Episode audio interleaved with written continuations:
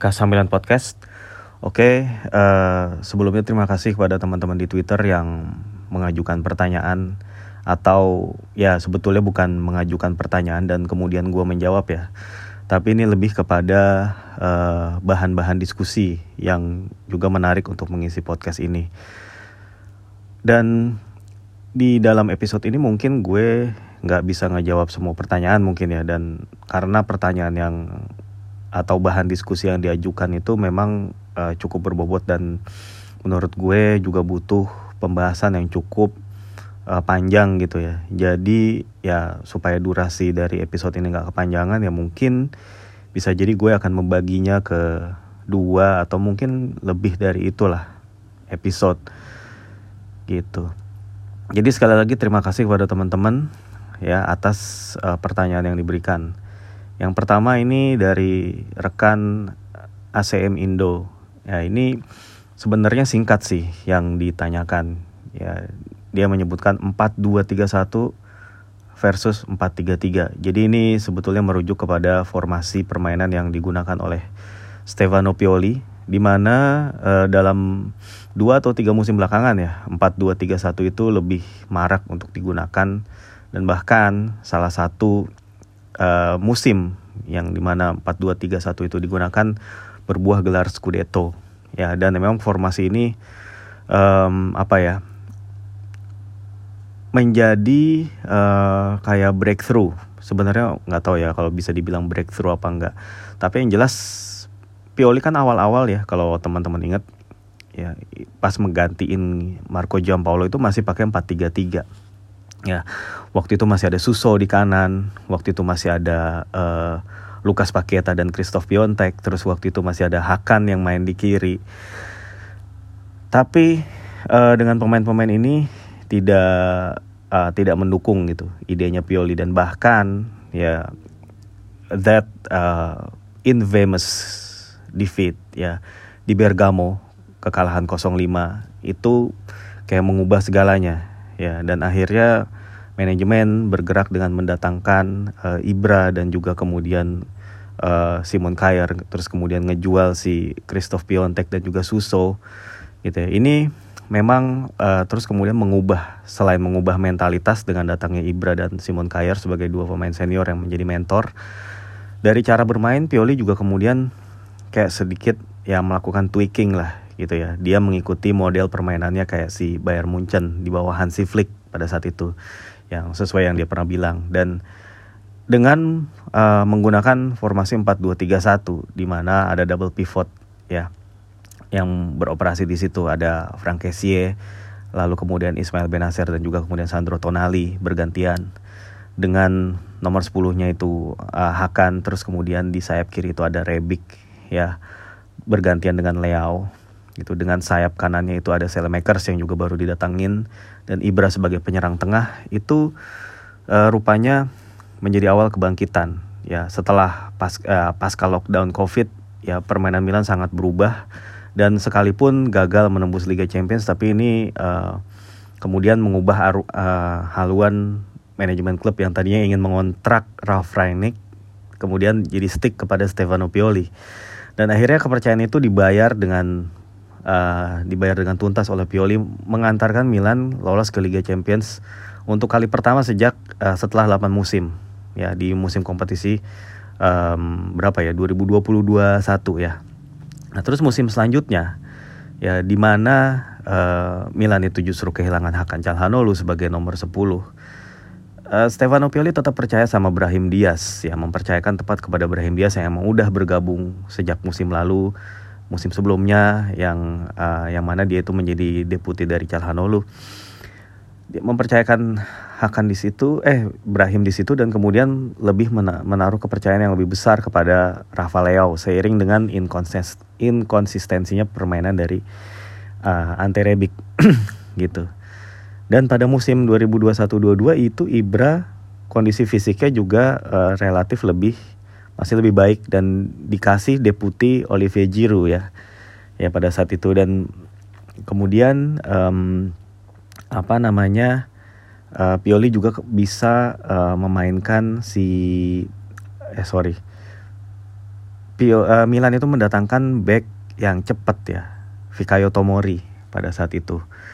Ya, meminjam, meminjam dari Chelsea Fikayo Tomori. Terus uh, diduetkan dengan Simon Kjaer ataupun kemudian dengan uh, Pierre Kalulu. Gitu ya, setelah Simon Kjaer itu mengalami cedera. Dan 4-2-3-1-nya Pioli dengan pemain-pemain yang punya kualitas ini gitu ya. Ya banyak yang bilang Scudetto Milan tuh didapat dari pemain-pemain yang kurang berkualitas. Tapi menurut gue ya memang tidak se semegah kualitas pemain dari Inter atau Juve atau Napoli ya. Tapi secara permainan ini benar-benar bagus sih yang waktu musim Scudetto. Ya taktik invert uh, inverted fullback ya di mana posisi Calabria dan Theo pada saat itu benar-benar sulit dibaca gitu ya. Sering banget terjadi gol yang melibatkan dua pemain ini. Calabria Toto ada di, di depan seperti pas lawan Atalanta di Bergamo waktu itu. Terus Theo apalagi sering banget bikin gol. Ya terus kemudian Sandro Tonali uh, dipasang lebih ke depan dia juga sering mencetak gol-gol penting pada saat itu Ibra juga tadi seperti yang gue bilang kondisi fisiknya masih lebih baik gitu ya. Ya ini menjadikan tim Milan ini benar-benar uh, kokoh baik secara permainan ya, chemistry ya dan juga mentalitas. Ini yang akhirnya membuat uh, squad ini benar-benar bersatu dan akhirnya menjadi juara. Ya cuman memang sayangnya setelah menjadi uh, juara itu terjadi penurunan. Ya Ibra udah nggak sehat lagi. Ya dia uh, apa namanya membantu Milan Scudetto sambil menahan sakit di dengkulnya. Ya terus kemudian dia absen selama ya hampir setahun penuh dia absen. Ya praktis.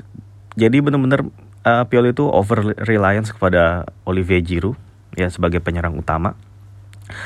Dan sekalipun Olivier Giroud itu mainnya bagus ya dia deliver the expectation tapi tetap uh, apa ya at some point gitu at some important point uh, at some important matches and ya dan juga pertandingan lawan tim-tim yang seharusnya bisa dikalahin ya.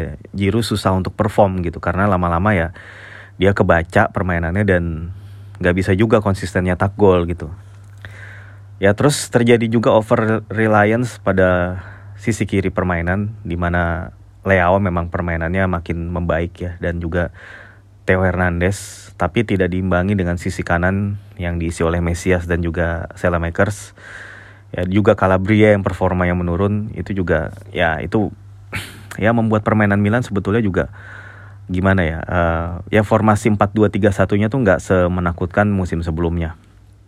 Gitu dan termasuk juga tidak adanya Frank ya yang pindah ke Barcelona karena tidak mencapai kesepakatan kontrak. Ini benar-benar meninggalkan lubang gitu di lini pertahanan. Ya di mana uh, eh, posisi ini biasa kemudian ditempati oleh Tonali dan Benacer. Tapi karena ya Tonali dan Benacer itu pemain pemain yang berbeda dengan Kessie gitu ya secara karakter. Dan kadang juga kronik main di situ. Ya ya daya uh, daya jelajah mereka gitu ya coverage mereka itu tidak seluas Kessie dan juga power mereka juga nggak seluas Kessie dan ini juga kemudian diperparah secara individual permainan pem, beberapa pemain Milan itu turun ya. Tomori, Kalulu, Calabria tadi, terus cederanya Mike Mignon gitu ya. Ya ini juga membuat uh, Pioli semakin kesulitan dan bahkan sampai beberapa kali mengubah formasi ke tiga back kalau lo ingat ya ke pakem tiga back. Ya. Di mana Simon Kjaer, Tomori dan Kalulu tuh menjadi trio di situ. Ya dengan adanya tiga back emang jadi lebih seimbang tapi uh, daya dobrak dan kreativitas itu amat sangat berkurang. Ya dengan Milan memainkan pola tersebut. Ya. Sampai kemudian ketika menghadapi lawan-lawan yang bermain low block yaitu sulit sekali uh, pemain-pemain Milan itu menembusnya ya ini disebabkan karena yaitu tadi ketergantungan kepada uh, Leo dan Theo di kiri, terus kemudian Olivier Giroud yang juga nggak bisa konsisten dan Giroud juga bukan tipikal striker yang bisa link up atau hold uh, hold up the ball dengan baik gitu. Giroud itu tipe finisher gitu ya. Uh, ini juga membuat permainan Milan jadi seperti monoton. Walaupun kalau dilihat di atas kertas expected goalsnya Milan justru lebih tinggi musim lalu dibandingkan dengan musim saat Milan Scudetto. Waktu Scudetto, waktu Scudetto itu Milan expected goalsnya sekitar 67. 67 gol ya. Sementara musim lalu 69. Ya. Dan musim lalu itu uh, Milan itu cuman kalah dari Napoli dan Inter soal expected goals. Kalau musim pada saat Milan, Milan Scudetto itu Milan kalah dari Inter, kalah dari Napoli dan Juventus dan Roma kalau nggak salah soal expected goals ya. Nah, di musim ini ditambah dengan uh, penjualan Sandro Tonali dan juga Deket Lare yang uh, tidak memenuhi ekspektasi. Brahim Diaz juga balik ke Real Madrid gitu ya. Stefano Pioli juga lebih uh, diberikan involvement ke ya dan intervensi terhadap bursa transfer. Ini harusnya sih uh, apa ya membuat membuat Pioli sendiri lebih nyaman dengan tim yang sekarang gitu. Artinya apa? Dia bisa memikirkan, dia tentunya bisa lebih bisa memikirkan lebih baik dengan pemain-pemain yang ada nih dengan udah nggak ada lagi Tonali, Brahim gitu ya. Dan dia bermain dengan cara apa dan akhirnya ini uh, mengubah mengubah uh, kebijakan transfer Milan dengan mendatangkan tipikal pemain-pemain yang lebih ya, yang berbeda lah dibandingin dengan dua musim sebelumnya. Jadi tidak ada si nomor 10 yang didatengin ya, tapi diganti oleh gelandang-gelandang serang yang lebih uh, tipikalnya modern, yang lebih tipikal box to box yang bisa menjelajah uh, banyak jengkal lapangan gitu. Ini juga sebenarnya menjawab uh, bahwa ketiadaan pemain seperti Frank yang memang cukup langka di market gitu ya dan kalaupun ada itu mahal.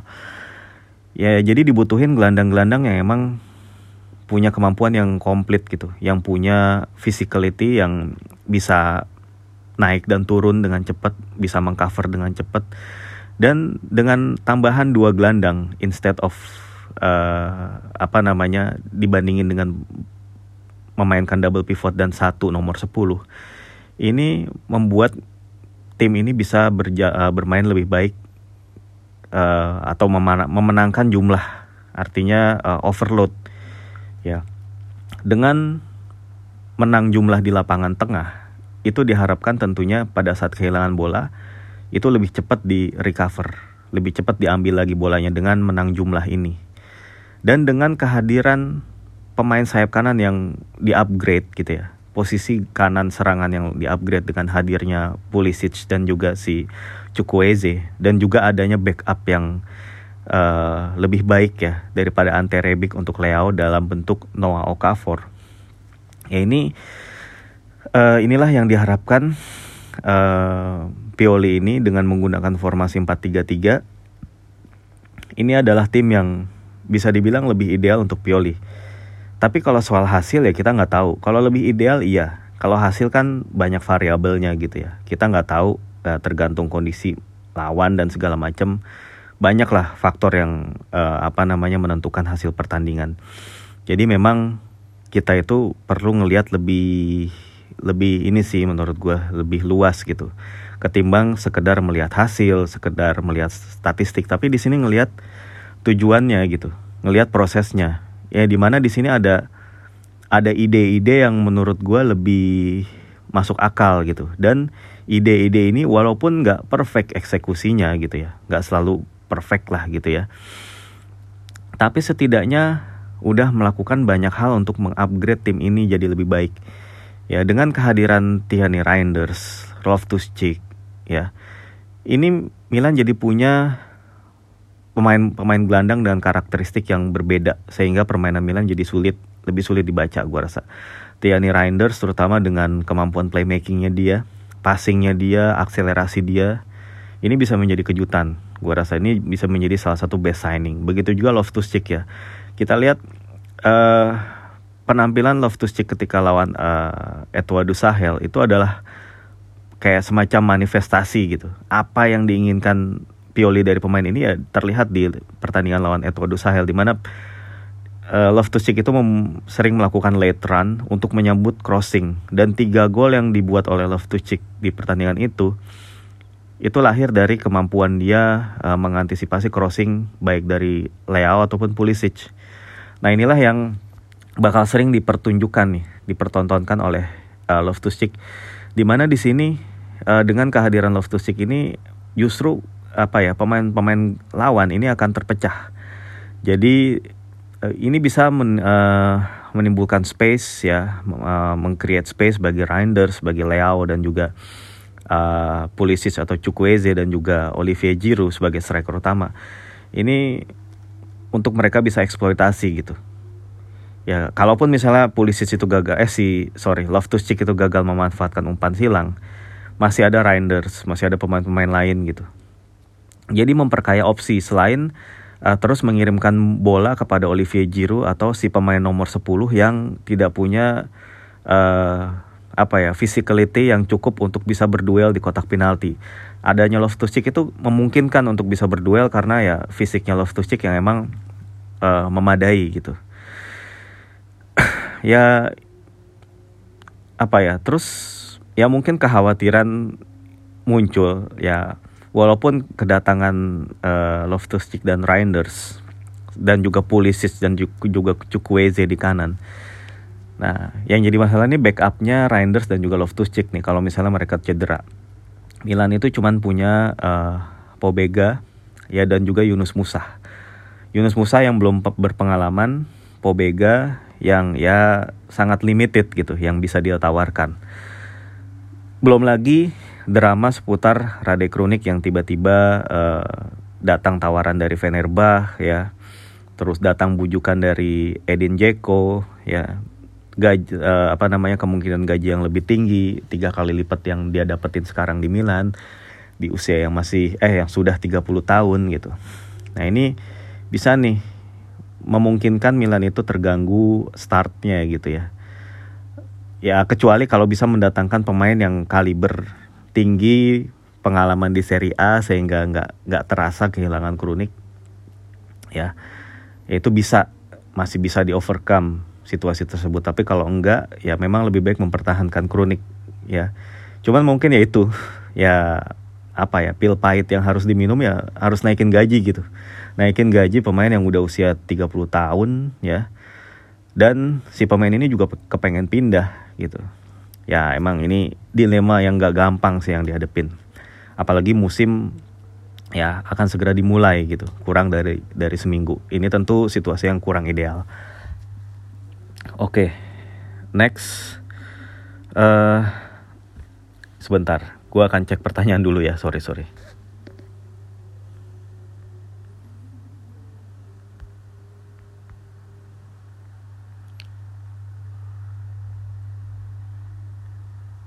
Dari Edik Milan ini uh, Pulisic atau Chukwueze? Ya ini pertanyaan-pertanyaan yang simpel tapi memang pembahasannya butuh lumayan kalau dari uh, apa ya? Dari yang udah ditunjukin Pioli selama uji coba, jelas Pulisic lebih terdepan untuk menjadi starter karena ya Pulisic lebih dulu bergabung dan dia emang punya kemampuan untuk bermain di posisi ini gitu. Walaupun posisi uh, penyerang kanan ini bukan yang paling ideal karena ya kita pernah lihat Pulisic main di kiri ya waktu lawan Real Madrid yang mana itu bagus banget Pulisic mainnya.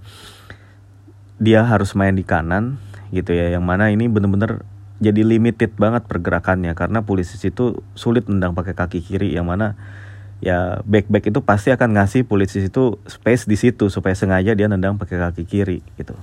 Tapi di sini polisi uh, udah mulai nemuin cara supaya dia itu nggak melakukan crossing dengan kaki kiri. Ya pertama dengan ngebawa bola sampai ke touchline kemudian mengirimkan umpan ke arah Loftus Cheek atau kemudian dia juga melakukan link up dengan to Stick ya. Baik to Stick itu akan melebar mainnya ataupun to Stick itu akan stay di half space untuk menjadi pemantul bagi Pulisic gitu. Ya cara-cara ini udah di dipakai oleh Pioli terutama di pertandingan lawan Monza kemarin yang terlihat terus di pertandingan lawan Eto'o Sahel gitu di mana uh, baik Loftus Cheek atau kadang Jiru ini jadi pemantul yang baik gitu ya supaya polisi itu bisa bergerak lebih dinamis gitu. Tapi sebenarnya lebih mengkhawatirkan performanya Leao sih. Dia di preseason mainnya masih kelihatan kayak kurang banget gitu. Dan di skema ini dia masih butuh malah jadi butuh adaptasi gitu. Karena ya ya banyak hal lah gitu ya. Apa nomor 10 itu juga keberatan buat Leo gue juga nggak tahu. Terus anyway, uh, Chukwueze ya uh, ya jelas sebenarnya di atas kertas Chukwueze favorit di atasnya uh, Pulisic karena ya dia udah biasa main di posisi itu dan terbukti selama di Villarreal dia emang jadi pemain utama di situ.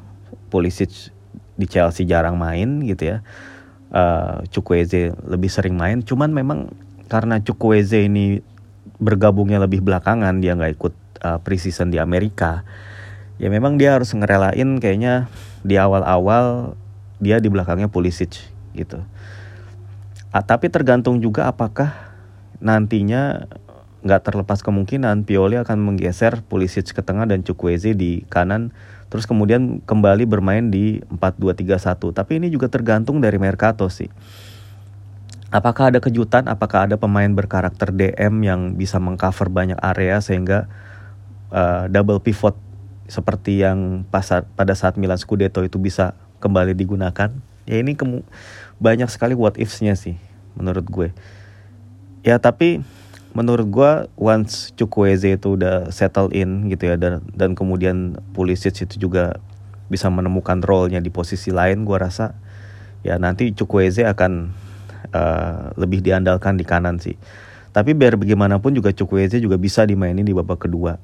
Bisa aja Pioli itu menggilir uh, Pulisic dan juga Chukwueze satu babak atau berapa menit atau dirotasi lah dua pemain ini gitu dan gak ada salahnya juga oke okay, next question sebentar ya